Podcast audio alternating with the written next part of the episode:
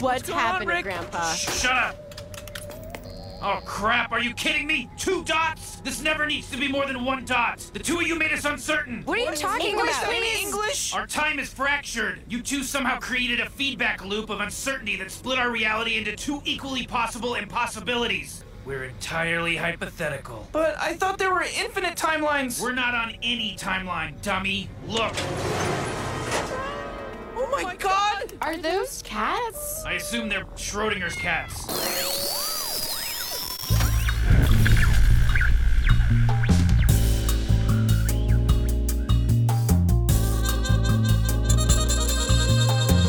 De Zeepkast. Opgenomen dinsdag 4 april 2017. Welkom allemaal bij aflevering 32 van De Zeepkast. Jouw bron voor al je science, technology en popculture nieuws. Tegenover mij zit David. En tegenover mij het Sander. Hoe het David? Ja, wel goed. Dan nog een beetje verkouden, maar eh, Ja, jij was een beetje onder het weer, zoals dat zo mooi ja, zeggen. de hele week. Dat was echt heel vervelend. Het duurt ben- altijd lang, man, dat soort dingen. Ik ben blij dat je je stem weer een beetje terug had. Ik belde je zaterdag om eh, Oh ja. wat te gaan drinken. Nou, toen klonk je echt niet. Het was echt... eh, Je was van, hé, hey, wat doe je vrouw? Oh. ja, nee, dat, Ja. dus ik ben blij dat je je stem weer terug hebt. En je voelt je ook weer helemaal tip-top. ja, wel, ja, dat zeker. Ja, zeker wel. Ja. Mooi man, gelukkig. En jij dan? Eh, ja, voor, je, eh, voor je een beetje... ben ik, ik ben wel happy. Ik heb er wel zin in. Ja Oké, hoor. dat is mooi. Goed Ja. zo. Ze gaat niet over voetbal Nee, ik, ik, ik had het je beloofd voor de aflevering en ik deed het bijna toch. Ik, ik, ik voelde hem aankomen. Maar daar gaan we het gewoon niet over hebben. We worden gewoon, eh, Feyenoord wordt nog steeds landskampioen. Dus hè, Ja. we hebben het over. Ik, mij kan je alles wijsmaken. Ik volg het echt 0,0. Ja. Hashtag factcheck. Ik gooi hem gewoon door. Yes. Ehm, onze terugkerende rubriek waarin we even terugkijken op de afgelopen aflevering. En gewoon eigenlijk is dit eh, de, de, de rubriek voor dingen die, eh, die, die, die, die, ja. zomaar ter sprake Wat er nog verder ten tafel komt. Ja. BVTTK'tje eigenlijk aan Ja, het begin. Van, de, van de zeepkast inderdaad. Ja. Nee, allereerst Rogier... eh, gezondheid. Hm. Rogier die, eh, die had vorige week aangegeven dat hij vond dat we te veel in het Engels aan het... eh, te veel, ja, te veel Engelse termen tussendoor gebruikten. En dat we daar een Hm. beetje mee op moesten passen. En die vond dat afgelopen aflevering al een stuk beter gaan. Dus chapeau David. Ja, Dat, mooi. gaat great. Oh, dan doe ik het zelf. Nee, dat gaat Flauw. goed. Nou, Ehm, we hadden een, review van Maxi Gast. Dan denk ik dat een gast is die of Max heet of Maxime als gast of zo- zoiets. Maar die, eh, Maxime als gast. ja, dat kan. Is ook een mannennaam volgens mij. Eh, maar die vond het tof. Dus eh, bedankt Max. Dat is altijd heel fijn als mensen het tof vinden. Nou ja, ik, blijf heel- het een beetje onwerkelijk vinden dat je dus hier zo zitten samen in een kamer. Een beetje tegen de microfoon aan te, te hoeren. Zoals we eigenlijk Ja. wel vaker doen, ook zonder microfoon. Ja, precies. En dat er dan wildvreemden zijn die je nog nooit gezien, gesproken of eh, weet ik veel wat hebben. Die zeggen dat ze het super vet vinden. Ja, Dat- dat mensen er naar luisteren, zeg maar. Ja, dat is wel dat- naar, naar, naar dat eh gezwets van ons eigenlijk. Dat blijft waarvan de helft eh, misschien niet klopt. Een, een beetje weird vinden, Ja. weet je wel. Kijk, als het nou vrienden en familie zijn, dan, dan, Ja. dan snap ik dat nog. Dus, maar tof, Max. Thanks. Max, ik ga ervan uit dat je Max heet, maar thanks. Ja. Ja, Ehm, bedankt. Ja, leuk. Dirk, Dirkie, die had ook een review en die had hij even aangepast. Eh, die gaf aan dat hij, een, eh, want die, die wou Oh ja, die ging, meer- eh, die ging Sapiens lezen. Ja, Dat die ook wat meer leuk. boeken. Ja, Die, ja, die, die pitchte dat wij misschien één Ja. keer per maand een boekje moesten gaan bespreken. ja, een boekie. Een boekie. Een boekie. En die ging nu Sapiens lezen. Dus aanrader. Echt een goed boek. Ja, dat is zeker. het is geen geheim dat ik fan ben Groot van fan. dat boek. Daarna kun je gelijk door met Homo Deus. Hm. Ja, Dus eh, ja, dat waren de reviews van afgelopen moeten wij het misschien ook een keer over gaan hebben over Homo Deus. Maar. Ja. Hebben we, Ooit voor mij is die al een aantal keer uh, ja, maar niet, zijdelings ja, maar niet inhoudelijk of zo. Nee, nee. Maar goed. We zijn eh, nu wekelijks, we. dus het kan altijd. toch? Daarom. Ja. En ehm, ja, wel mooi. Want wij eh, we stonden op het punt van beginnen. En ik eh, was op mijn telefoon even een talking point listje aan het maken. En zoals dat wel vaker gaat, ben ik vrij snel afgeleid. En dacht ik, ik moet nu ook even op mijn Mhm. Facebook zitten. Dat heb ik wel eens. Ja. Terwijl er echt alleen maar onzin op Facebook tegenwoordig staat. Het is echt... Ik snap niet waarom... ik Tegenwoordig is dat veranderd dan. Nee, vroeger zag je nog wel foto's van vrienden op een... Van baby's en eh, dierentuinen en zo. Het is nu wel heel erg alleen maar links. Zeg maar. Met nieuws en met, Oh, met ik dacht, heel, ik en dacht heel even dat je dat alleen maar van die links, links, linkse rakkers. allemaal over klimaat en. eh, Nee, maar alleen maar doorgelinkt word je via oh, Facebook. zo, ja, ja. Het is En, gewoon een eh, soort van Tumblr geworden. of. Ja, eigenlijk wel. En Ja. ik werd nu dus ook weer deur, deurgelinkt. De- Doorgelinkt. Doorgelinkt naar een artikel van eh, The Verge. ehm, over dat er schijnbaar nieuwe Mac Pro's eh, zijn eh, besproken. Door, eh, Ja, bizar. Dat is echt vers van de pers. ja, Dat, want ik pak hem er eh, even... Nou ja, weet ik dus Want niet. ik, Want ik heb dit dus niet. Dit is nieuw voor mij. The Verge die report over een interview dat een aantal gasten van Apple zouden gehad hebben met. eh, ik, moet, ik pak hem er even bij hoor, want ik heb het net pas gelezen. Dus het, het zit nog niet in mijn lange termijn geheugen. Hm. Ehm, een interview met BuzzFeed. eh is een interview met Phil Schiller en Craig Federighi. Dus twee hoge, hoge pieven. Ik vind het sowieso grappig dat ze tegenwoordig ook BuzzFeed als kanaal gebruiken om, om dingen te communiceren naar het grote publiek. Want ik zie BuzzFeed, eh, ik zag BuzzFeed altijd eh, als ehm, soort van clickbait, clickbait heaven. Van eh, Ja. wat er toen gebeurde, dot, dot, dot. En dan moet je op klikken van, Ja. om, om een filmpje te zien of... eh, tien redenen van dit. Of eh, na deze het, quiz weet je of je eh, weet ik welke veel. Pokémon ben jij? Precies, ja. dat soort dingen. Da- Ja. dat, dat is wat ik denk als ik BuzzFeed hoor. Maar het is Ja. niet de eerste keer dat App- Apple VP's via BuzzFeed eh, iets naar buiten brengen. Maar Maar, ze, wie waren het? Phil Schiller? Phil Schiller en Craig Federighi. Oké, en Craig, Feder- Craig Federighi, dat is de software guy van Ja, Apple. ja. Eh, die gaat over De OS. OS'en en, en eh, ja, en Phil Schiller is de... hardware guy eigenlijk, toch? Nee, nee, nee, nee. Phil Schiller is de marketing guy. Oh, ja, En hij heeft sinds een jaar nu, denk ik, heeft hij ook de, de Mac App Store onder zijn vleugels en zo. Oh ja, omdat hij helemaal niet Zo. zo en die Ja, lekker dat, liep. dat liep eh, niet. eh, ja. Ja. Zo. Maar goed, ehm, dus, en, en ik pak hem even bij, want daarin gaf eh Phil Schiller gaf aan dat Apple hard aan het werk is met een nieuw Pro-systeem, dus een nieuwe Mac Pro, Een nieuwe Mac Pro, toch? de nieuwe Mac Pro en een nieuw Pro-display daarbij. Echt, het display ook? Ja. Ja. Ik ben, ik ben echt oprecht verbaasd. Ja, hè? ik zag dit niet aankomen. Dus eh, ik, ik, ik citeer, ehm, moet ik even zoeken, dat is altijd leuk als je het live doet. Ehm, Apple's Phil Schiller claims the company is, en dan hashtag openen, completely rethinking the Mac Pro. Maar, Maar- hij gaat pas volgend jaar gaat hij, eh, gaat hij shippen. Dus hij wordt, eh, hij komt niet, er komt niet dit jaar een nieuwe Mac Pro. Waarschijnlijk volgend jaar. Ze zijn ermee bezig met een nieuw ontwerp. Dat is dan toch grappig, want de, eh, de, de, de trashcan, de prullenbak, de mhm. zwarte prullenbak, Ja, dat was de, dat is de vorige Mac Pro. dat was de grote eh, redesign met, met, hoe eh, hij- met hoe een kondigt hij hem aan? epische... We can't innovate my Ja, ass. ja, Can't innovate anymore, my ass. Het is wel grappig, want eh, verderop in het artikel eh, wordt... Dus ik heb het interview zelf nog niet kunnen lezen. Maar in Nee. dit artikel hebben ze het over dat eh, Craig Federighi ook even wat, wat dieper erop inzoomt. hmm. Ze hebben schijnbaar een team binnen Apple dat eh, nu best wel de tijd krijgt om een nieuwe Mac Pro te maken. Omdat... Want tijd hadden ze hiervoor nog niet. ja, nee, maar Ding is schijnvaar... al, eh, sinds 2013. Eh, en dat is ook, nou ja, daar hebben we het wel eens eerder over gehad, maar Apple tegenwoordig ook een beetje zijn eigen fouten toegeeft. Wat ze voorheen vaak niet deden. Mhm. Eh, dat ze eigenlijk een beetje de neus gestoten hebben met de vormfactor van de oude Mac Pro. Ja, de dat ze ja. het een super, super tof ding vonden en echt een, een heel tof product, maar dat het eigenlijk niet heel handig is als je hem wilt vernieuwen en er dan achter komt van ja, we moeten het eigenlijk wel in een ronde vorm gaan passen. Ja, ja. Dus je hebt nu een vorm waar precies die twee videokaarten van de oude Mac Pro in passen en dan één, eh, één GPU geloof ik. Of, eh, Er zitten twee, twee, eh, twee videokaarten in. ja, dat bedoel ik. Ja, en dan één, één CPU zit erin, meen ik. Ehm, dat weet ik nou, dat weet ik niet hoor. Ehm, Nou goed, ze hebben nu, nu die driehoekvorm in het midden met ja, die thermal cooling, eh, waardoor ja, die ja, lucht therm- aanzuigt Thermal core, inderdaad. door het midden. En dat, dat is op zich tof. Maar als je dan net een videokaart hebt die daar dan weer niet in past, dan, Ja, dat is lastig. dan ga je nat. Eh, en daar lopen ze nu dus tegenaan. Vandaar dat het even duurt. Wat grappig dat zo'n groot bedrijf daar dat dan niet die in de lange termijn over heeft nagedacht, blijkbaar of zo. En dat Ja. zo'n tower, kijk, kijk, zo'n ta- zo'n zo'n zo'n gigantische doos, vierkante doos, dat is Daar kun je alles in misschien kwijt. een beetje saai, maar da- daar past gewoon alles in. En dat is Nou gewoon ja, daar zat ook nog en- eh, heel veel loze ruimte in. Dus als je een keer Ja. een iets groter ding erin kwijt wil, dat prima. Ja. Kan. Terwijl ik de, de oude Mac Pro, de, Mhm. De, de- toren, zeg maar, de- met die twee de hendels. ja, met de twee hendels, die vond ik gewoon toch ook wel een tijdloos design. Ja en nee. Ik vind het een tof ding, maar tegenwoordig kan het niet meer, vind ik.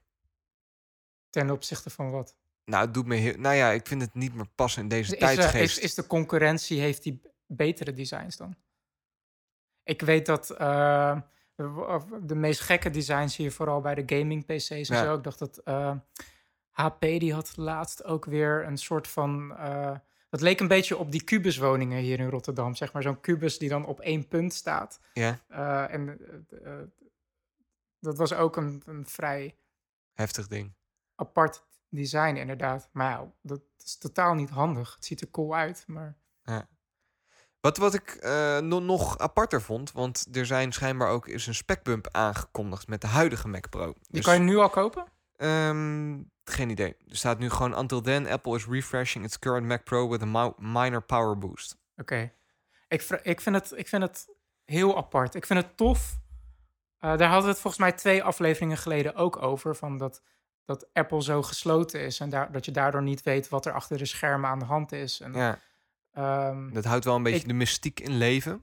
ja, maar aan de andere kant, als er dan te weinig gebeurt, dan weet je ook als consument niet waar je aan... Dan, verlies je hoop. Ja. Ja, zeker als je zo afhankelijk Ja. bent. Nee, wa- wat, wat ik hier absoluut niet aan snap, hoe kun je nou een machine van 3000 euro, daar begint hij op, dus echt wel een hele dure machine waarmee Mhm. je professionals wilt aanspreken, zeggen van, nou ja, we hebben nu alvast een specbump en volgend jaar komt er veel beter uit. ja, dat is, niet, dat is niet Apple. Dan ga dat- ik, dat doet dan Apple nooit, ga ik nu toch niet een computer kopen als ik over een, begin volgend jaar. Ja, tenzij je een bedrijf bent die zijn computersystemen om de 1, 2 jaar ververst. Of je moet, je moet nu gewoon een nieuwe computer hebben. Ja. Ik denk aan een John Syracuse van de ATP-podcast. het, is, het is niet wat we van Apple gewend zijn, maar ik denk dat zij nu gewoon ook uit de... Kan niet anders dan uit de professionele markt, dat ze nu gewoon echt de druk voelen. Nee, ik vind waarvan het ze gedacht hebben keus. van we moeten nu gewoon gaan zeggen waar mensen eh, Nou, het is aan bijna... toe zijn. Want als een heel research team zijn hele computer facility, eh, eh, al zijn computers waar ze research op doen, moeten vervangen. En dan keuze hebben uit een Mac Pro die, die vier jaar oud is. Maar volgens mij, tenminste zo zie ik het hoor, maar is vanuit marketingstandpunt doe je het een of het ander. Je gaat niet eh, een nieuwe Mac Pro teasen. Zeg, Mhm. Volgend jaar komt er een heel tof nieuw product uit. Als je nu een specbump gaat doen. Ja. Of je gaat nu een specbump doen en niet een nieuwe Mac Pro teasen. Maar denk je dat het beter was geweest als Apple eh, een nieuwe chip in de huidige Mac Pro had gezet en Dat- geen verhaal erbij heeft gedaan van we hebben moeite met het, de keuze van het design? Nou ja, wat ze hier nu, vind ik, indirect mee aangeven... is dat de huidige specbump eigenlijk een beetje een zwaktebod is. Eh, in Want- welke zin is dat een zwakte? Nou ja, we gaan, in feite wat ze nu zeggen, van we doen er nu een specbump op, Mhm. maar dat is niet genoeg. We voorzien al de kritiek die we daarop gaan krijgen, want Ja. het is niet voldoende. Dus gaan we ook aankondigen dat we wel bezig zijn met iets beters. Dus het is een soort plan B die je eigenlijk koopt als je deze machine koopt. En ik vind Apple geen plan B-merk. Ehm, nou, weet ik niet. Ik, ik, ik zie. Ze ik, staan nee. niet volledig achter dit product. Als ze nu al gaan zeggen dat er eigenlijk iets aankomt dat beter is. Nou ja, er komt. Kijk, dat is Heeft de, dat, maar dat is de gezegd- grap. Maar dat is de grap in de, met, met de computerwereld. Er komt altijd iets beters. Dat klopt, maar op het moment dat je al gaat zeggen dat iets in de pijpleiding zit, dan. En daarom zeg ik, het is een marketingkeuze. Ja. Ik vind dat je of je kondigt hem aan, eh, maar dan breng je geen specbump uit. Of je brengt een specbump uit en je wacht totdat het nieuwe product de- er is. Ik, ik denk dat de enige. Want nu, nu ge- geef je wel de boodschap af dat de specbump eigenlijk niet zoveel met lijf heeft en eigenlijk ja, too little too late is. Ja, dat ik- erken je. Ja, nee, ik denk dat de enige, het enige lastige van, van eh, eh, hoe Apple het nu heeft aangepakt is dat ze nu pas een, eh, een nieuwe chip erin doen, terwijl dat waarschijnlijk al eerder had gekund. Nu weet ik natuurlijk dat een Mac Pro line-up afhankelijk is van een aparte lijn van, vanuit Intel, de, de Xeon. Ja. dus eigenlijk zijn het server chips. Mhm. En die lopen over het algemeen altijd wat achter op de consumentenchips, de i5's en de i7's. Uh, maar na vier jaar, ik denk dat er in de afgelopen vier jaar echt wel een moment eerder was geweest. Nee, maar dan ga je het vanuit een technisch oogpunt verklaren. Maar ik Mhm. snap meer de marketingkeuze niet. Dat je als Apple zijnde die echt Ja. voor kwaliteit staat, jezelf, vind ik, of iets uitbrengt waarvan je eigenlijk van tevoren al zegt: dit is een, een, een, een plan B. Je Ja. koopt een, een minder product. Ja. Nou ja, dat ik denk dat de conclusie wel mag zijn dat, eh, en dat zegt Apple eigenlijk nu ook, dat in heel veel opzichten de huidige Mac Pro eh, eh, een mislukking is vanuit een ontwerp eh, aspect. Ja. Ehm, Dat, dat, ja, en dat- dat is, dat is interessant. nee, dat zien het niet handig is in ieder geval. Dus ik, ik, vind het, ik denk wel dat het veel waardevolle kennis met zich heeft meegebracht. En nee, nou ja, ik zou het wel een, een, ehm, een, eh, mislukking noemen, omdat het wel ja, zo- vanuit de professionele markt schade heeft gebracht tot het merk Apple. ja, daar heb je ook wel Eh, gelijk. ik, ik denk ook dat een computer die vier jaar, vijf jaar op de markt zit, dat het ook niet goed is voor de verkoper ervan. Nee. Er, er je moet heel die veel productielijnen wel er- levend er houden. hebben heel veel investeringen gezeten in fabrieken in Amerika, waar ze toen ook heel trots op ja, dat de Mac in Pro helemaal US. in Amerika is gemaakt. Ehm, ik denk dat ze hier wel, dat dit eh, eh, wel een flinke flater is vanuit het management. Nou ja, die, Dus, die eh, heeft ieder maar- techbedrijf. Ja, Goed. maar dit, dit, is, ja, dit is gewoon interessant om zo'n groot bedrijf eh, zo'n fout te zien maken. Eh, Maar waar ik, waar ik, waar ik wel, heel, wa- waar, ik, waar ik nu wel denk ik heel blij om ben, ik zeg, of het net tenminste zeggen, heel waar ik wel heel blij ben. mee ben, is dat ze de pro-markt wel weer aantrekken. Ja, maar dat is blijkbaar de, de afgelopen tijd eh, eh, dat het dus niet kwam door een, geen interesse erin, maar dat er, dat er toch gewoon echt technische problemen waren. Ja. of Zo.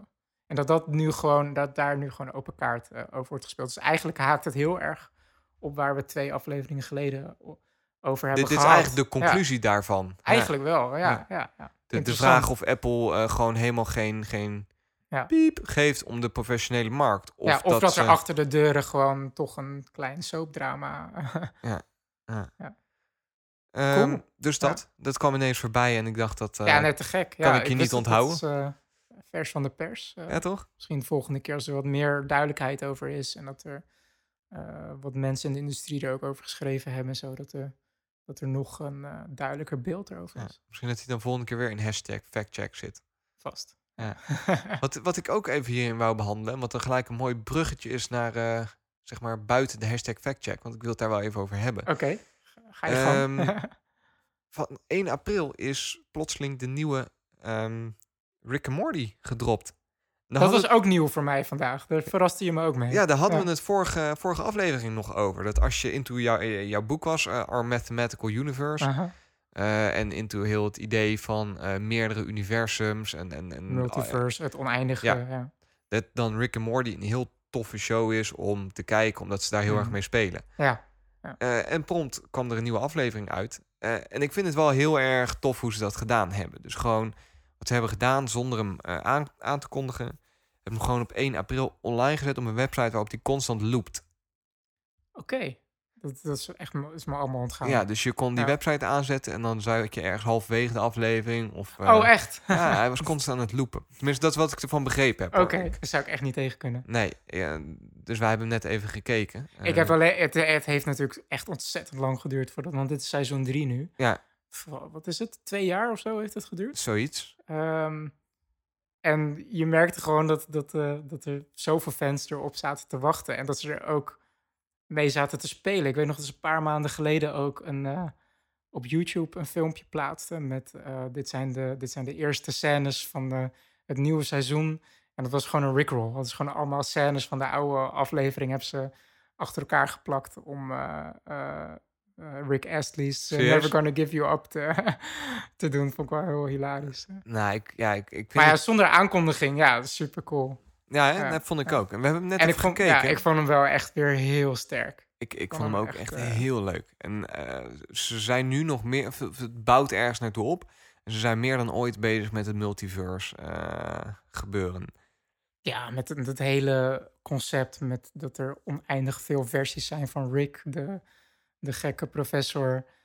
Het, het, het, gaat, het gaat in zo'n sneltreinvaart. eh al die eh, eh, interdimensional portals en tijdslijnen. En, Ja. het is bijna niet te volgen eigenlijk, maar dat, dat is ook gelijk de humor ervan. Ik, ik, zou het, hem iedereen heel erg aanraden. Seizoen 3, aflevering 1.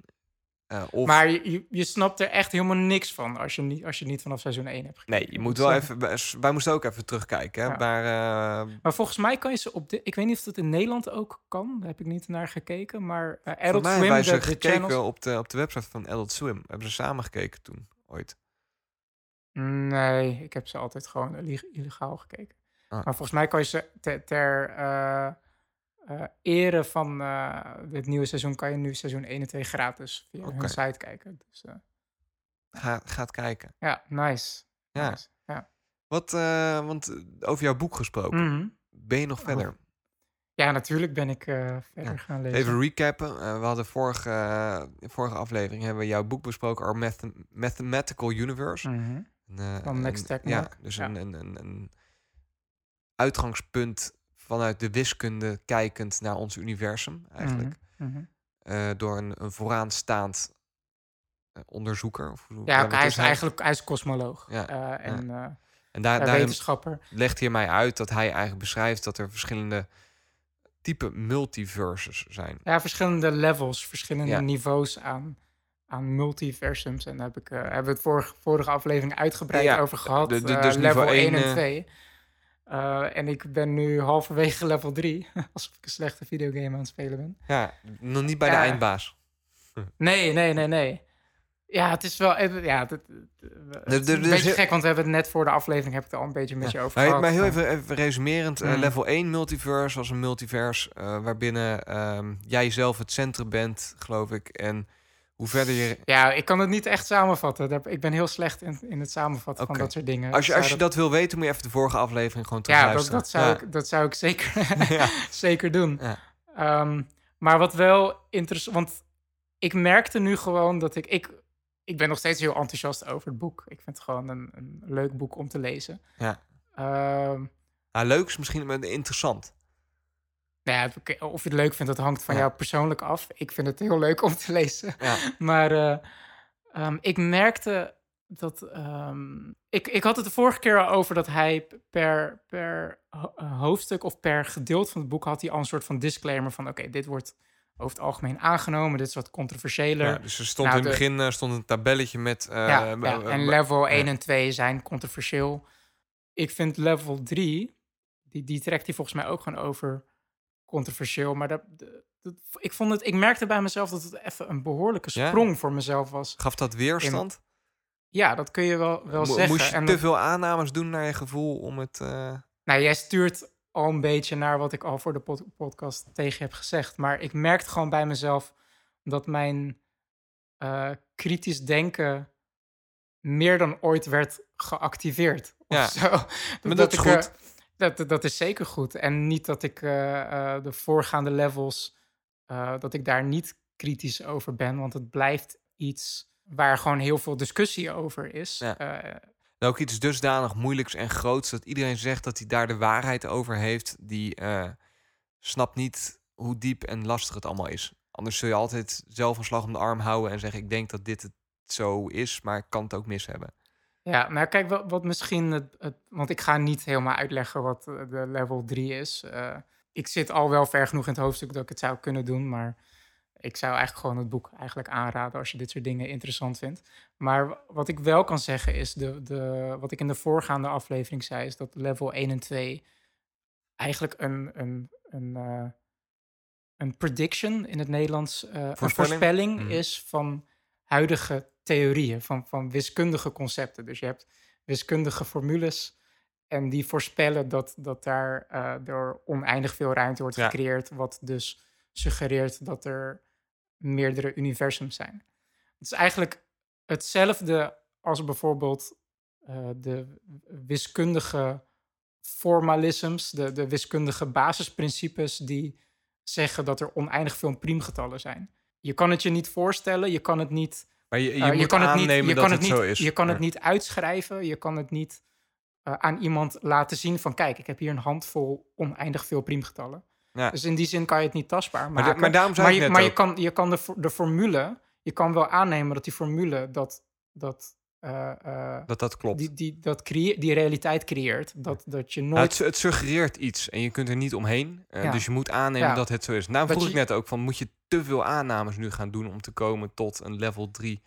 Ehm, ja, ja, in die zin wel. Want dat vond omdat je... ongemakkelijk, aannames doen. Ja, precies. dat, precies. is, dat is wat de weerstand oproept. En, ehm, eh, dus oké, tegen- je, je, hebt, je hebt dus het principe van, van ehm, door wiskunde kan je zeggen, dus eh, wiskunde die, die verklaart eigenlijk dat je nooit, dat priemgetallen nooit op zullen raken. Dus Ja. altijd, een groot, altijd een grotere priemgetal.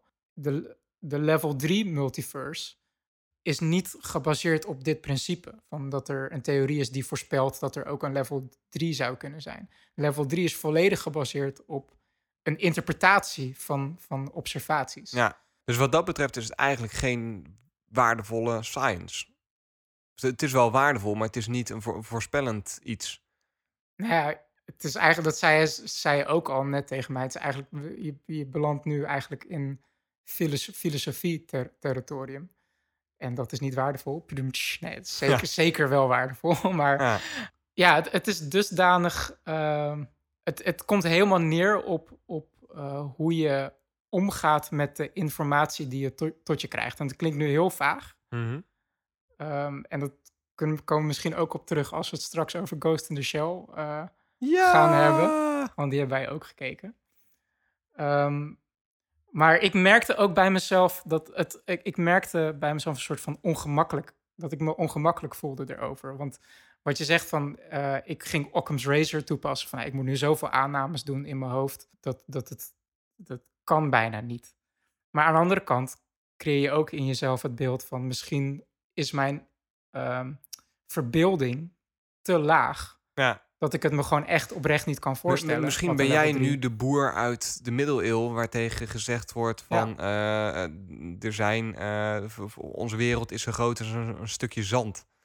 Dat je zegt, hè, dat, dat kan niet. En dat je het Ja, niet kunt ja, beseffen en daardoor niet. Ja, nou even een anekdote uit het boek dan. Ehm, de level 3 multiverse is gebaseerd op een, op een paper, op een thesis. Mhm. Die wordt de Many Worlds Theory genoemd. De vele werelden theorie. Ja, en dat is eigenlijk een concurrent voor de Kopenhagen-theorie. De Kopenhagen-theorie hebben we het ook een paar afleveringen geleden over gehad.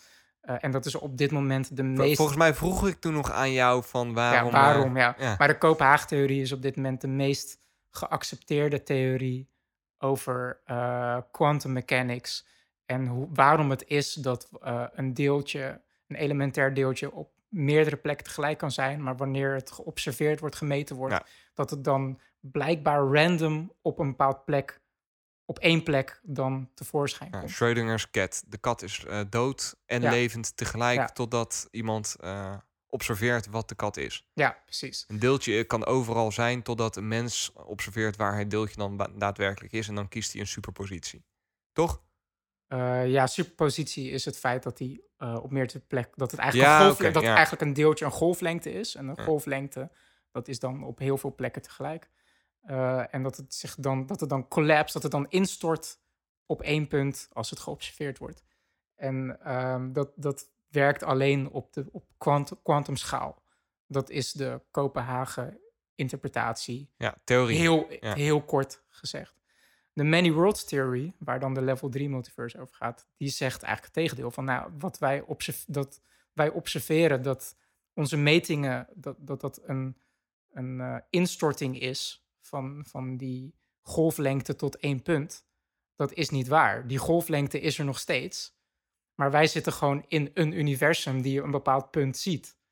Maar daarmee zijn er zijn wij eigenlijk in een soort van superpositie dat wij, dat in een ander universum dat jij datzelfde deeltje op, die, op een andere plek bijvoorbeeld observeert. Oké, dus eigenlijk wat er gesuggereerd wordt is dat er oneindig veel verschillende universums zijn waarin iedere mogelijke eh, Superpositie. superpositie van atomen bestaat. ja, tegelijkertijd. tegelijkertijd- En dat dat, nooit, dat dat nooit in elkaar klapt, maar dat wij voor eeuwig gevangen zitten Ja. in één perspectief.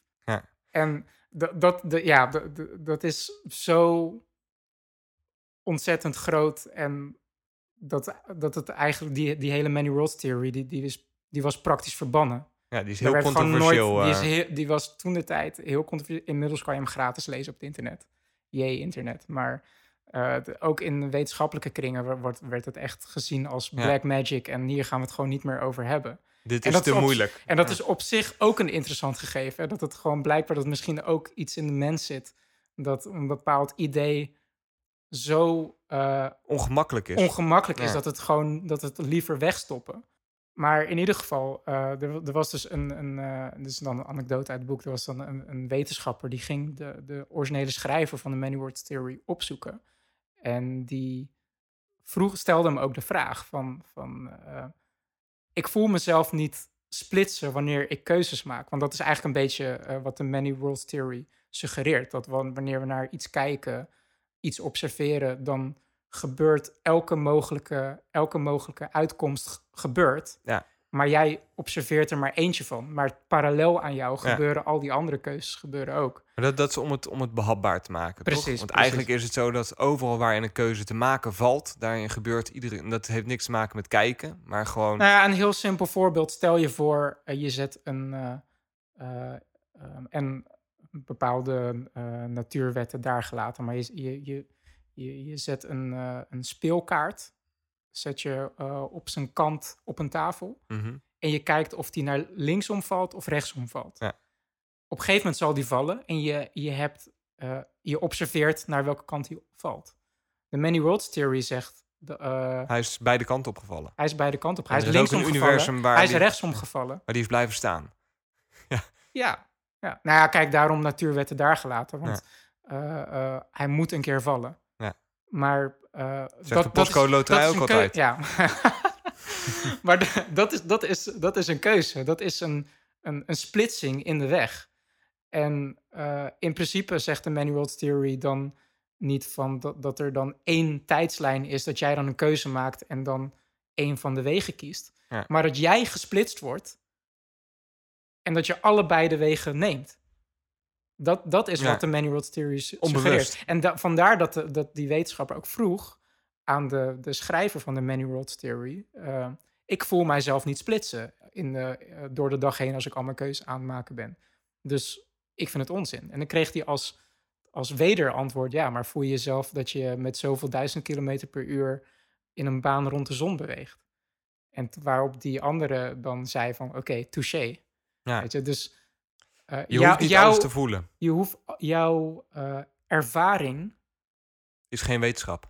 jouw ervaring weerspiegelt niet per se wat de realiteit er daadwerkelijk is. Ja. En dat is wel een, een heel ongemakkelijk, on- ongemakkelijke eh, gevoel eigenlijk. Ja, nou, en, dat merkte ik, en dat merkte ik zelf ook toen ik het aan het lezen was, zeg maar. Van inderdaad, misschien is het ook gewoon dat jouw, jouw oogpunt gewoon te klein is om dat ooit te bevatten. kunnen hier nog heel lang over hebben, want dit gaat heel, ja, zeker. heel, heel, eh, zeker. ver. Maar eh, Ja. ik, ik, ik moet het boek nog uitlezen. Maar ehm, ik vond het gewoon een interessante eh, observatie bij mezelf. Dat ik het lastig, vond, lastig ja. vind om te lezen. En in die zin hoorde ik dan misschien bij die groep wetenschappers die, die Het boek, ook toch, toch eh, eh, ehm, ja, hoe moet je dat zeggen? Toch vooroordelen. Eigenlijk heb je dan vooroordelen over de realiteit. Omdat het te- ja, verkeerd voelt, omdat het zo groots is. Ja, en dat je eh, dan toch voor je gevoel gaat in plaats van Ja. wat de, de theorie en de wiskunde misschien eigenlijk eh, suggereert. Ja. Dus eh, daar wil ik het hierbij laten. Leuk man. ja, ja. Ik blijf het leuke dingen vinden om het Maar over te het- hebben. ik vind het nu, eh, ik, ik begin het wel grappig te vinden dat dit ergens ook wel een klik heeft met Ghost in the Shell. Over jouw, jouw interpretatie van wat je tot je krijgt via je ogen en je. Ja, hè? Ja. Wauw, wat een, wat een goede film trouwens. Ik, ik had hem nog niet gezien, dus hebben we vorige aflevering ook besproken. Toen hebben we een beetje besproken dat we dan de, de serie zouden kijken en dan ook naar de bios zouden gaan. Oh ja, ja, ja. Bios is er even bij ingeschoten, maar daar ben ik niet zo heel... eh, Maar dat, dat is, zullen we Ghost in Shell, want we willen het misschien ook nog heel even over Samsung hebben, de, de S8 aankondiging. Oh ja, die heb ik niet eens op mijn, op mijn talking points listje staan eigenlijk. Die heb ik niet zo anti-Samsung. Ja, nee, helemaal niet. Nee hoor, ik vind het... eh nou, daar kan ik op zich kort over zijn. Ik heb hem nog niet echt gezien, dus vind ik het lastig. Ik vind het een heel mooi toestel. Ja, je hebt hem wel gezien, maar je hebt hem niet in werking. eh, Nee, eh, ik ben alleen niet zo'n fan van Edge. De, de, ehm, de voorgaande eh, model. Nou ja, Edge alle, alle ze droppen nu de term Edge, Ja. maar alle Galaxy S-lijnen zijn Edge. Oh je, oh, je bedoelt dat je geen fan bent van dat het glas tot aan de Ik, ik, randen... ik vind daardoor, en dat klinkt heel zeikerig, maar als ik het toestel beet heb, de achterkant is plat, dan vind ik hem heel scherp in mijn handen.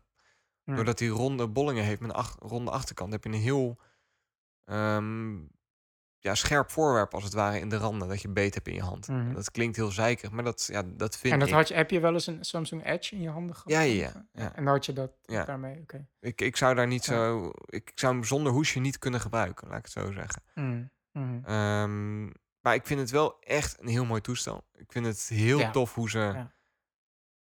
Eindelijk een beetje de eigen keuzes aan het maken zijn. Hoe stond het ook klinkt, maar dat dit wel. Dit is geen iPhone-kloon. Vind je? Nee, vind ik niet. Mm. Ik vind wel, er zijn een aantal technieken hoor. Dus eh, ja, Mhm. nu ineens met dat ze die haptic feedback in de home button hebben, denk ik van, nou, we hebben dat toch eerder gezien. Ja. Dat ze de nieuwe grote variant, eh, de, niet meer de, de, de, de, de eh, Edge Plus noemen of zo, maar die heet nu gewoon de Samsung Galaxy S8 Plus. Ja, bizar hè? Ja. Alleen dat is niet plus uitgeschreven zoals Apple dat doet, maar gewoon een plus teken. Dan denk ik wel van, ja, come on. Kijk, ze moesten, ze moesten de moesten ze gewoon laten vallen. Want de, Ja. de, de branding, het, het merk Note, Nee, maar is er zijn... voor, voor, voor eeuwig verpest. Maar de, de eh, S8 Plus is niet de Note variant. hè. Er zijn nog steeds heel veel geruchten dat er een nieuwe Note uitkomt.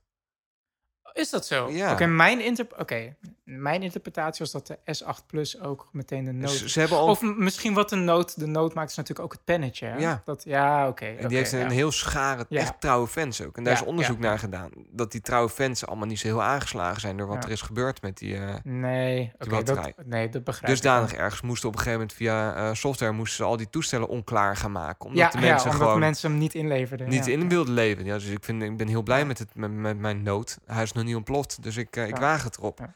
Ja. Ja. Maar je merkt wel dat, dat, dat Dus dit dat- toestel was... Je merkt aan hoe ze het hebben gepresenteerd... ehm, dat ze, eh, ze, ze, ze, ze presenteert ook van... dit is een nieuw hoofdstuk voor Samsung... een nieuw hoofdstuk voor de smartphone. Ze moeten zichzelf weer opnieuw bewijzen... als eh smartphone Ja, ze, maken ze hebben dat gewoon dat, heel dat hun goed designs te vertrouwen zijn.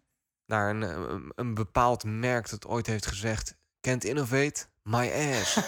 en daarin gezien dat als je een presentatie geeft... dat je heel veel superlatieven moet gebruiken. En eigenlijk Ja. bij iedere presentatie moet doen... of dat hetgeen jij hebt uitgevonden Zou dat het zijn? de next big thing is. Zou Nou, dat het zijn? ik word er Ja, bij ja. Apple wel eens een beetje moe van... dat ik denk van ja, dit ligt wel heel dik bovenop. Ja, En als nuchtere Nederlander... Ja, oh ja, tuurlijk. Ah, heb je sowieso. Wel, moeten. superlatieve bingo kun je doen en zo. eh. Er zijn een aantal dingen wat ik interessant vind. Sowieso, oké, de home button eh, bij de Samsung is weg. Het wordt echt gewoon één glasplaat. Ja. Eh, overigens zit er wel nog steeds op dezelfde plek echt een knop. Alleen die zit onder het glas. Dus het is niet zo dat het een 100% virtuele eh home knop is. Eh, wat ik ervan begrijp is dat maakt niet uit in welke applicatie je zit. Ook al zit er geen home button in beeld, als je daar gewoon op klikt, dan druk je nog steeds ja. op de home knop. Wat best interessant is, want dan gaan we weer richting die Snapchat eh, eh, interface, want dat er gewoon nu echt verborgen hardware zit. Ja. Maar het lijkt me ook echt heel weird dat als je bijvoorbeeld een videogame aan het spelen bent en dat je daar per ongeluk te hard indrukt dat je steeds uitknopt. Ja, Maar ik- ik- anyway, ik, weet niet hoe dus dat ik werkt. ben, want ik ben er op zich ook wel van overtuigd dat in het najaar Apple ook met een, een iPhone komt die volledig eh, display is aan de voorkant met hele dunne bezels, zoals ze dat zeggen. Hij is het Ehm, bezels of bezels? Be- bezels, geen idee, maakt niet uit. Maar ik ben dus heel benieuwd hoe Apple dat eh, gaat oplossen. we hebben nu Samsung's eh, oplossing gezien. Ehm, ja, het, het wordt gewoon grappig om te zien hoe, hoe qua design telefoons zich in de toekomst zich gaan onderscheiden van elkaar. Ja. Het wordt echt een glasplaat op een Ja, gegeven moment. Het gaat een merken. beetje richting die Black Mirror wereld, die aflevering Nosedive. Daar zag je ook iedereen gewoon met een, zo'n glasplaat eh, Een glasplaatje lopen. rondlopen, ja. Dus de, het, eh, de software wordt belang, nog belangrijker dan ooit. Eh, en ik vind dat. Ja, ik ben dus, grappig dat je dat zegt, ik ben wel op een punt aangekomen waarop ik in hardware innovatie steeds minder hel zie. Ik heb Ja, nog nooit ja. gehad dat ik niet heel erg hunkerde nou een nieuwe iPhone na twee jaar. Ehm, dus ik wou altijd het nieuwste apparaat en dat heb ik nu niet heel erg. Nee, nee, nee, nee. Ik zou wel graag een nieuwe willen, omdat mijn batterij gewoon heel snel slijt, omdat ik een heel intensieve gebruiker ben. Ja, je komt ook gewoon op een bepaald punt van waar je je, waar je, je telefoon voor gebruikt. En dat het op een gegeven moment snel genoeg is. Ja en Of nee. zo. Kijk, het kan weer zijn dat er nieuwe, eh, nieuwe toepassingen gaan komen waarvan ik denk dat lijkt mij leuk en dat kan ik gebruiken. Eh, en dat doe ik nu nog niet. Maar die toepassingen zie ik Ja. nu nog niet. nou ja, in die zin eh, is denk ik Samsung is eh, wel bepaalde. eh, is wel al een bepaalde voorspellingen aan het doen over de toekomst. En dat zijn. Ik, mijn interpretatie zijn het in het kort zijn het twee dingen. Dat is computer vision. En dat je zakcomputer echt je main computer wordt met wat je ook doet. Ook een desktopcomputer Ja. wordt. De computer vision visie, no pun intended, zie je bij eh, Bixby. Dat is eigenlijk eh, nu Samsung Siri aan het worden. Maar die heeft ook een... een Ja, eh, dus dat is de spraakassistent van Samsung Bixby. ja, maar het is meer dan dat. Je, je kan dus ook je camera gebruiken om je, je camera ergens op te richten. Bijvoorbeeld, ik noem maar wat, een auto eh, of een boek bij de boekhandel. What is this? Ja, en Ja. Nou ja, je kan ook zeggen van ik wil dit ook kopen. En dan stuurt Bixby je meteen naar Amazon bijvoorbeeld, dat je precies hetzelfde product kan kopen. Of iets vergelijkbaar, vergelijkbaars kan kopen. Of eh, je, je, je ziet een bos eh, mooie bloemen en je denkt van, oh, dat, dat zijn mooie bloemen. Ik wil iets vergelijkbaar hebben. Bixby knal je erop. Ehm, ik vraag me af in hoeverre het in de praktijk werkt. Ja. Maar het is wel een duidelijke Door dit soort statement demos, over de toekomst. dit, dit je- soort demos zien we al jaren, toch? Met, met spraakassistenten waarbij tegen dingen gezegd worden dat je denkt, oh, dat is handig en dat werkt goed. En in de praktijk ja, gebruik ik mijn spraakassistent alleen nog voor mijn wekker. ja, klopt. Maar het, is, het geeft wel een tipje van de sluier naar wat voor toekomstvisie over de eh, maatschappij dit soort bedrijven heeft. Ja.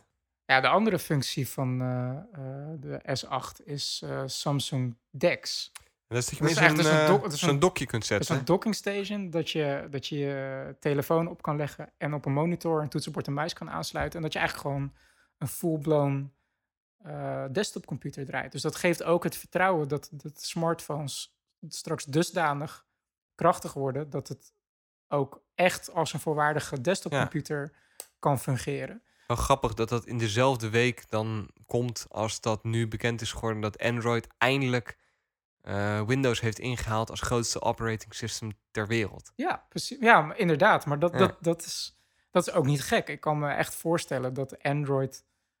ehm, ja, niet alleen Android, maar gewoon de smartphone op zich. Dat, dat heb ik ook een keer eerder gezegd. Dat is gewoon je main computer. Hij, het, het is Ja. een PC, dus een personal computer. Inderdaad, als je specialistischer werk gaat doen, dan heb je echt een nieuwe Mac Pro nodig. Maar die komt eraan, heb ik Ja. gehoord. ja. maar inderdaad, dat, dat, dat, Ja, dus dat dat soort echte torens, dat dat een veel specialistischer apparaat wordt.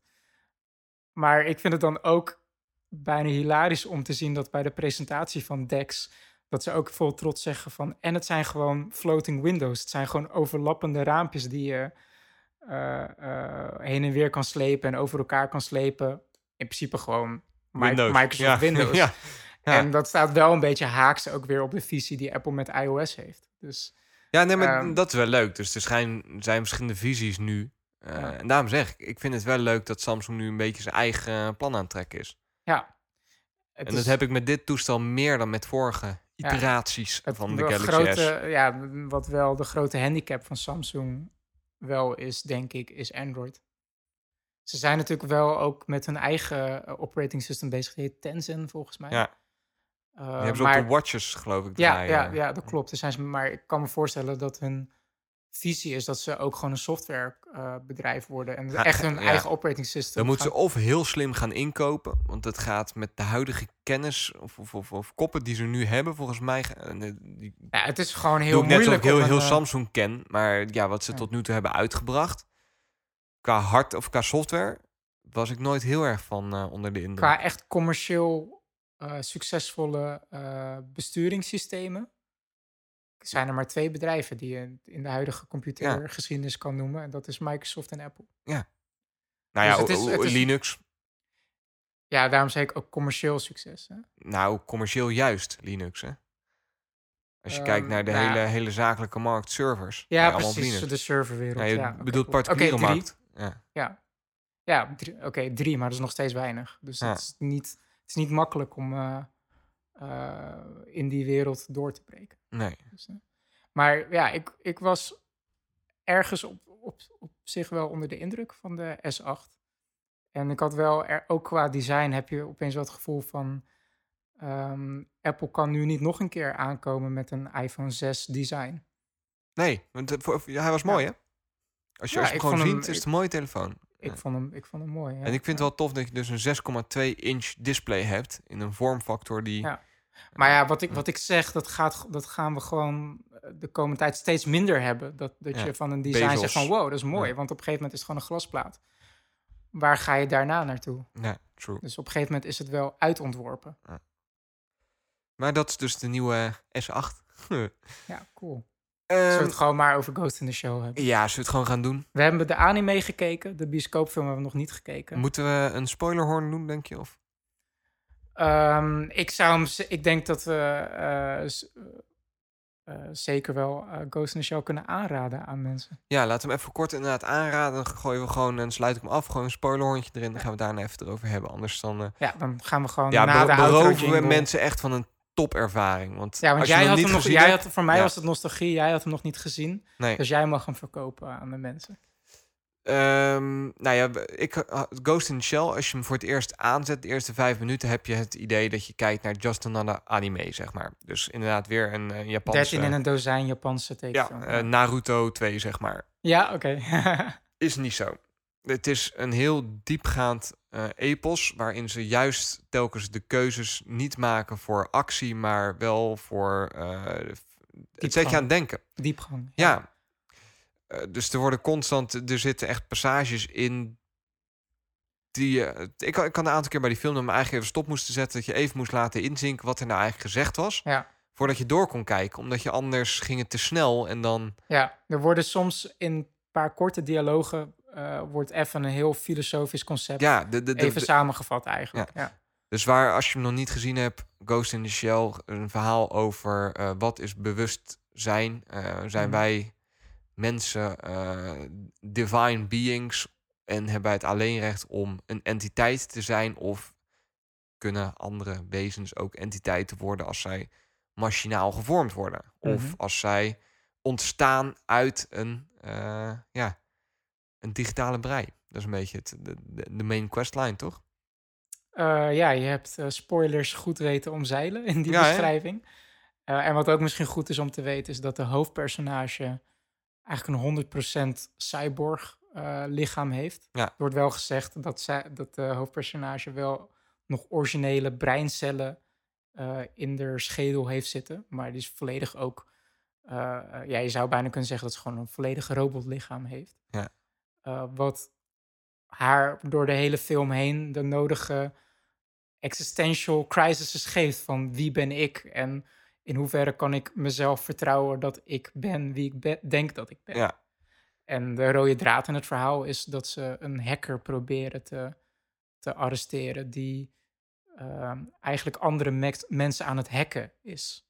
Hun Ja. lichamen aan het overnemen is voor bepaalde doeleinden die naarmate de film vordert naar boven komen. Dus ga hem kijken. Mocht je hem nog niet gezien hebben en wordt dit het einde, dan was het een iets kortere aflevering, maar ik hoop dat je er wel van genoten hebt. Ik wel. Ik hoop jij ook, David. Ja, zeker. zeker. Mocht je wat kwijt willen, dan weet je ons te vinden via de gebruikelijke kanalen Twitter, Facebook, eh, ja, wat nog meer, e-mail. Dus stuur iets onze kant op en dan eh, zullen we altijd eh, reageren.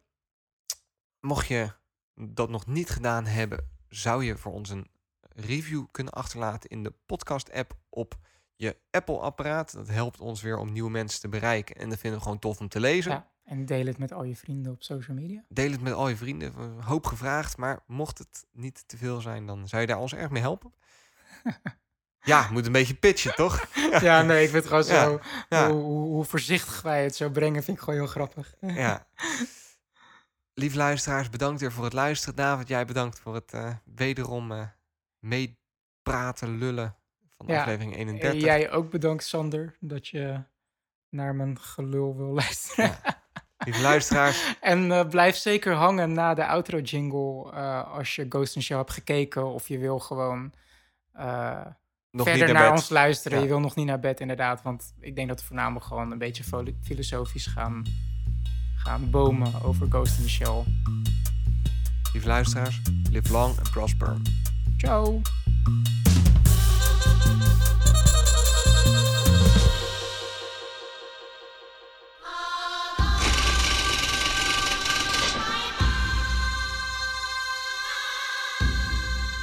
De Wauw. muziek is zo sfeervol. Ik vind het zo.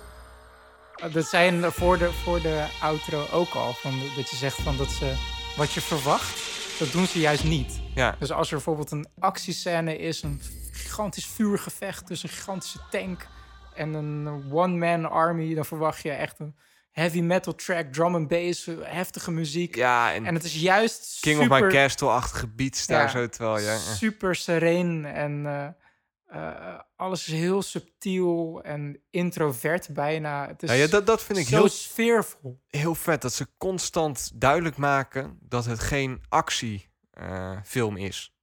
Het is Ja. wel een actiefilm, maar het is geen eh, Hollywood-actiefilm. Mm. Dat vind ik heel tof. En ik denk ook dat het goed is dat het gemaakt is door eh, Japanners. Dat Ja. klinkt heel stom, maar zij hebben wel... Het is ook een, zeker een weerspiegeling van hun, hun cultuur. Het is Ja, geen ja. Hollywood 13 in een dozijn film. En dat vind ik heel tof. Het is, eh, ik zou bijna durven zeggen dat het, dat het geen entertainment is. En wat, je- wat je vaak ziet op het moment dat eh, Amerikaanse producers het idee hebben van ik ga een film maken die geen 13 in een dozijn is, Mhm. dan wordt het juist een anti-13 in een dozijn film, waardoor het ook weer een dingetje wordt. Of Wordt zo. het pretentieus wordt of zo? Of eh, bedoel je? Ja, eh, ja, nou ja. even- Ik, ik zit te denken of ik zo snel een voorbeeld weet. Maar Hmm. je, je, je ziet soms wel eens films en die komen dan heel zwevig over, waarvan je Mhm. denkt van. Waarom moet dat? Is dit nou zweverig om het zweverig zijn? Of is dit nou, eh, weet je wel, het juist niet doen om het juist niet te doen? Ja, eigenlijk hetzelfde als er eh naaktscènes zitten in een Nederlands boek of film. Ja, dat inderdaad. ja. ja, ik heb echt... En dat, ja, ja. en dat, dat doen ze niet. Het is gewoon, dit is het verhaal. En de vraag die de, de was- producer je stelt, is niet... eh, hij, hij probeert geen hanger naar actie te vervullen. Hij probeert je als toeschouwer een aantal kritische vragen te stellen. Van joh, wat is nou bewustzijn? En je merkt zelfs dat... dat eh, eh, er zit op een gegeven moment zit er een scène dat ze op een, op een boot zitten. Op meer, op, in het midden van een meer. Ja. En dan hebben ze echt best wel een heftige filosofische discussie. eh, de, de hoofdpersonage Major en Batu, haar partner. Ja. Over eh, hun, hun robotlichamen en in hoeverre zij eigendom zijn van zichzelf. Ja. Want hun lichaam is volledig gefinancierd en eigenlijk eigendom van het, eh, het van de orgaan waar zij voor werken. zeg maar. Precies, Ja. Section 9.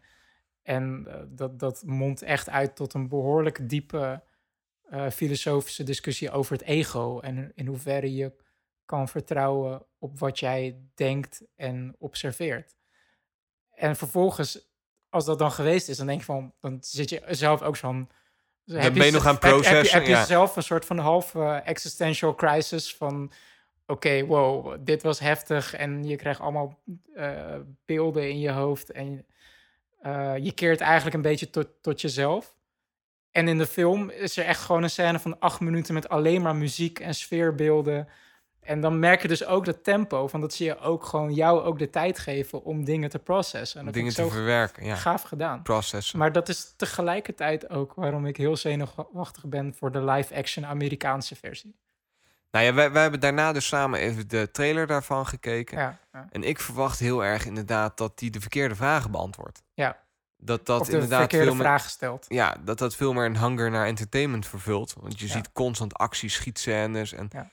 terwijl, wat mij betreft, Ghost in the Shell anime daar helemaal niet over gaat. Nee, nee, zeker niet. Nee. Wat ik wel heel leuk vond, was hoe erg het aanschuift bij onze huidige samenleving, zeg maar. Mhm. Ik vind het gewoon af en toe wonderlijk om te zien hoe science fiction steeds meer realiteit wordt. Ja, wat ik want bedoel? deze anime komt uit 1995. Dus deze anime is nu En al hij 20 jaar oud. Hij is 20 jaar, meer dan 20 jaar oud. En voor mijn gevoel staat hij nog zo overeind vandaag de dag. Ja, maar ook als, bizar. als over nog 20 jaar kan het best wel eens dat wij best een flinke stap hebben gemaakt richting, richting deze wereld. Ja. eh, robotlichamen en, en avatars en, en Ja. inderdaad eh, Android en toestanden. communiceren met elkaar op, via cyberspace en niet zozeer via onze monden en geluidsgolven. dat, dat vond ik bij deze film had ik dat idee heel erg. Dus Ja. ik, ik kijk en lees best wel veel sci-fi. Ja.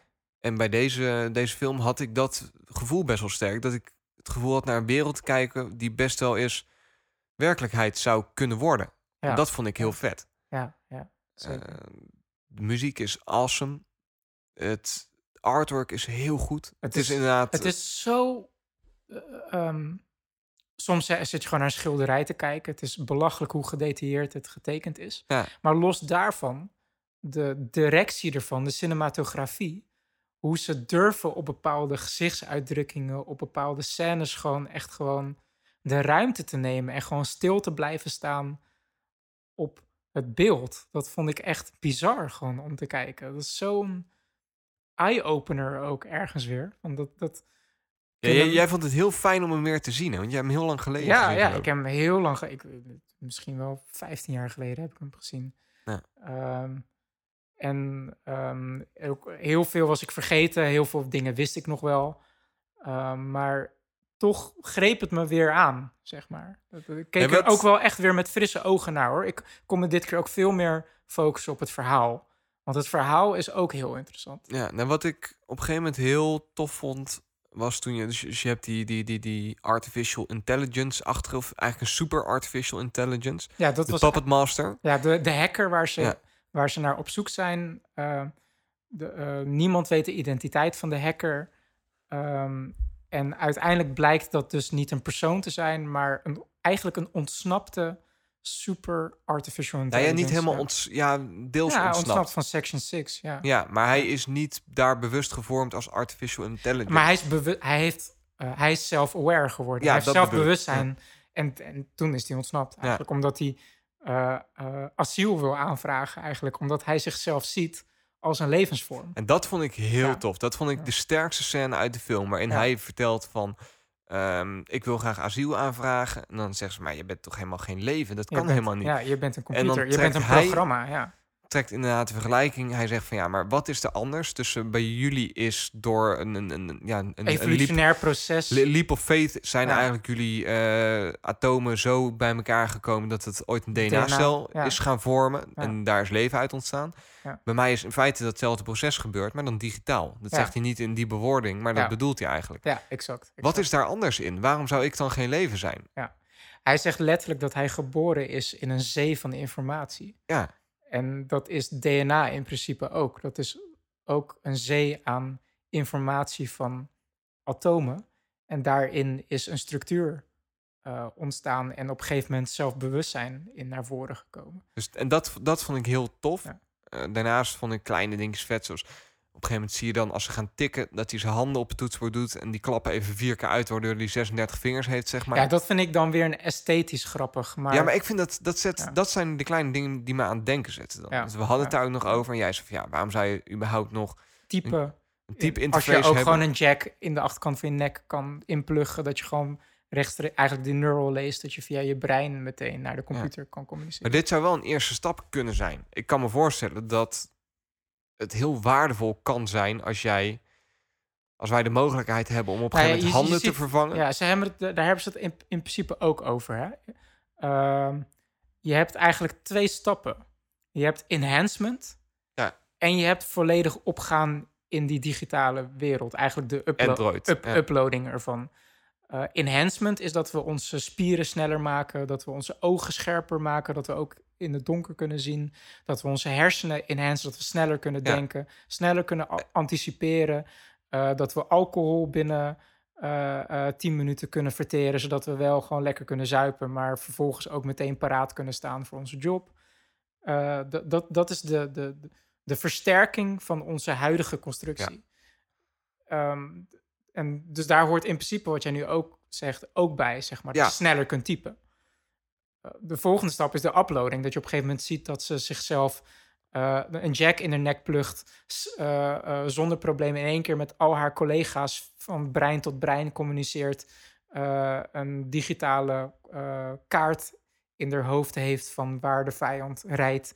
En meteen de auto overneemt en ook kan besturen. ja, zonder zeg maar. stuur vast te hebben. Ja. Want je hebt geen interface meer nodig als je Nee, dat di- nee. digitaal kan doen. Ja. Ja, precies. Ja. Dus dat is heel interessant. Maar wat, wat mij heel erg aan, aantrok eh, eh, na het weerzien van Ghost in the Shell, is het concept dat als je je lichaam op een gegeven moment. eh, ehm, ze hebben het heel veel in de, in de show over de ghost. En de ghost, het spook, is eigenlijk je ziel. Eigenlijk je, het, het stukje informatie, de, de, de, de, de hersengolven, de, de hersenconnecties die jou jou maken. Maar in hoeverre kan je vertrouwen dat die, die connecties, die patronen, dat, dat, eh, dat die niet ooit een keer ontworpen zijn door iemand. En dat jij die, dat jij die zelf gevormd hebt. Dat is echt wel een, een, een terugkerende thema die constant in de film terugkomt. Over eigenlijk wat, wat jouzelf is opgebouwd uit jouw notie van nu, jouw herinneringen van vroeger en jouw toekomstperspectief. Dat is eigenlijk alles. Wat jij bent. Dat, Ja. dat eigenlijk als je, als je je- jezelf helemaal zou ontleden. Dan ben jij een stukje geheugen, een ja, stukje processor. Dat, dat is eigenlijk alles eh, wa- wat je, waarvan je kan zeggen dat ben jij. Ja. en de noem- processor, die, die, die gaat denken van als dit dan het verleden is, wat kan dan de toekomst zijn? Ja, precies. Ja, dat noem ik dan toekomstperspectief. Ja. En dat noemen ze dan eigenlijk in de, in de film noemen ze dat je ghost. Ja. Maar je ziet ook in de film dat bijvoorbeeld, eh, en dat vond ik echt een heftige scène, bijvoorbeeld met die, met die eh, vuilnisman die gehackt was. Ja, en oh, die, vond ik va- ook die valse informatie, valse herinneringen eh, geprogrammeerd heeft gekregen over een vrouw en dochter die die nooit heeft gehad. Was dat trouwens een verwijzing? Dat vroeg ik mij nog af. Want op een gegeven moment een vraag heb van... kunnen jullie dit ongedaan maken? Ja. En dan zegt die vent van... nou ja, eh, we hebben dat pas twee keer eerder gedaan. Ik zou het je niet aanraden. Ja, Ik vond dat zo'n specifiek getal. Dat ik dacht van, bij wie dan? En is dat een verwijzing naar... want er is ook een serie van. Misschien de serie. Ja, er is een het is origineel gebaseerd op een manga en er is ook een tv-serie. Het, is, het is naar mijn weten niet nog geen verwijzing. Dat, dan vind ik het zo raar om te zeggen... ja, we hebben het twee keer eerder gedaan. Ik, ik, het zou best een verwijzing kunnen zijn, maar dat, voor mij deed dat, ging het daar niet per se om. Het ging er meer om dat iemand zelf gewoon letterlijk hergeprogrammeerd is. Maar in hoeverre kan je dan spreken van, van een persoon nog? En eh, het is zeker de hoofdpersonage die, die eigenlijk een 100% cyborg lichaam heeft. Die, die zit ook heel erg te twijfelen door de hele film van... ja, voor hetzelfde geld ben ik gewoon helemaal... eh, eh, digitaal, Kijk, mijn- mijn ja. lichaam, die, die, die, daar kan ik, die komt uit een fabriek. Dus die is niet uniek. Nee. Sterker nog... Dus je er- ziet er is op een gegeven moment... er is eh, een ja. scène dat ze, eh, dat ze naar buiten kijkt en eenzelfde shell, eenzelfde omhulsel van haar Zijnzelfde op lichaam. ja. ziet lopen. Eh, en eh, daar heeft ze het zelf ook over van wat de mens nodig heeft, zijn bepaalde unieke dingen, zodat zich ze een soort, dat zijn eigenlijk een soort van ankerpunten. Ja, Een soort ze- identifiers. Ja, dat ze zichzelf kunnen zijn. En dan zegt ze dus ook je eigen stemklank, Ja. je eigen gezicht. Maar dat, die ankerpunten heeft zij al opgeofferd eigenlijk. Ja. Door gewoon een, een gefabriceerd lichaam aan te nemen... eh, die helemaal naar de specificaties is van de regering. Ja. Dus dan heeft ze eigenlijk alleen haar memories. Maar in hoeverre zijn die dan te vertrouwen? Ja, als je weet dat een hacker daarmee kan Ja. rotzooien. Maar dat, dat, dat, dan kom je op, op een bepaalde filosofische punten ook. Van eh, in eigenlijk alles wat je nu ziet, alles wat je hoort, dat, gaat daar gaat, dat, daar, dat gaat ook door een soort van processor eh, barrière heen. Van, eh, dat wordt geïnterpreteerd als het ware. Dus je krijgt niet pure realiteit Je, binnen. je slaat niet rauwe data op. Precies, je slaat... Je sla, Maar je slaat de verwerking van die data sla je op. Exact. En dat exact. is ook waarom je dingen af en toe moet romantiseren. En niet moet, opnieuw moet willen proeven, kijken, doen, maken. En daarom is de remake misschien niet zo goed.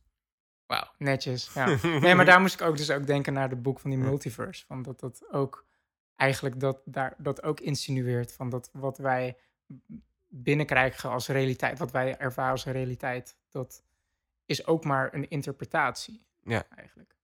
Dus eh, Vind ik een hele mooie om op af te ja, sluiten. zeker. Ja, toch? Ja, ik twijfel keihard, man, om de, om de, om de nieuwe versie te kijken. Misschien moet ik de, deze herinnering... Koesteren. Ja. Wat, wat, hoe denk jij daarover? Nou ja, ik weet zeker dat de, de, de gaat nieuwe sowieso Hollywood minder film zijn, gaat sowieso minder zijn. Ja. Ehm, ik denk wel dat iets aan je gaat knagen als je hem niet kijkt.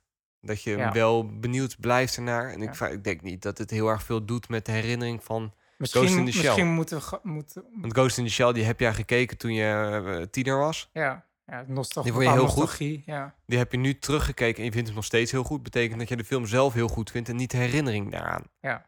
Ja. Dus als je nu de, de live-action movie kijkt, dan zal dat niks doen met je herinnering aan deze film, denk ik.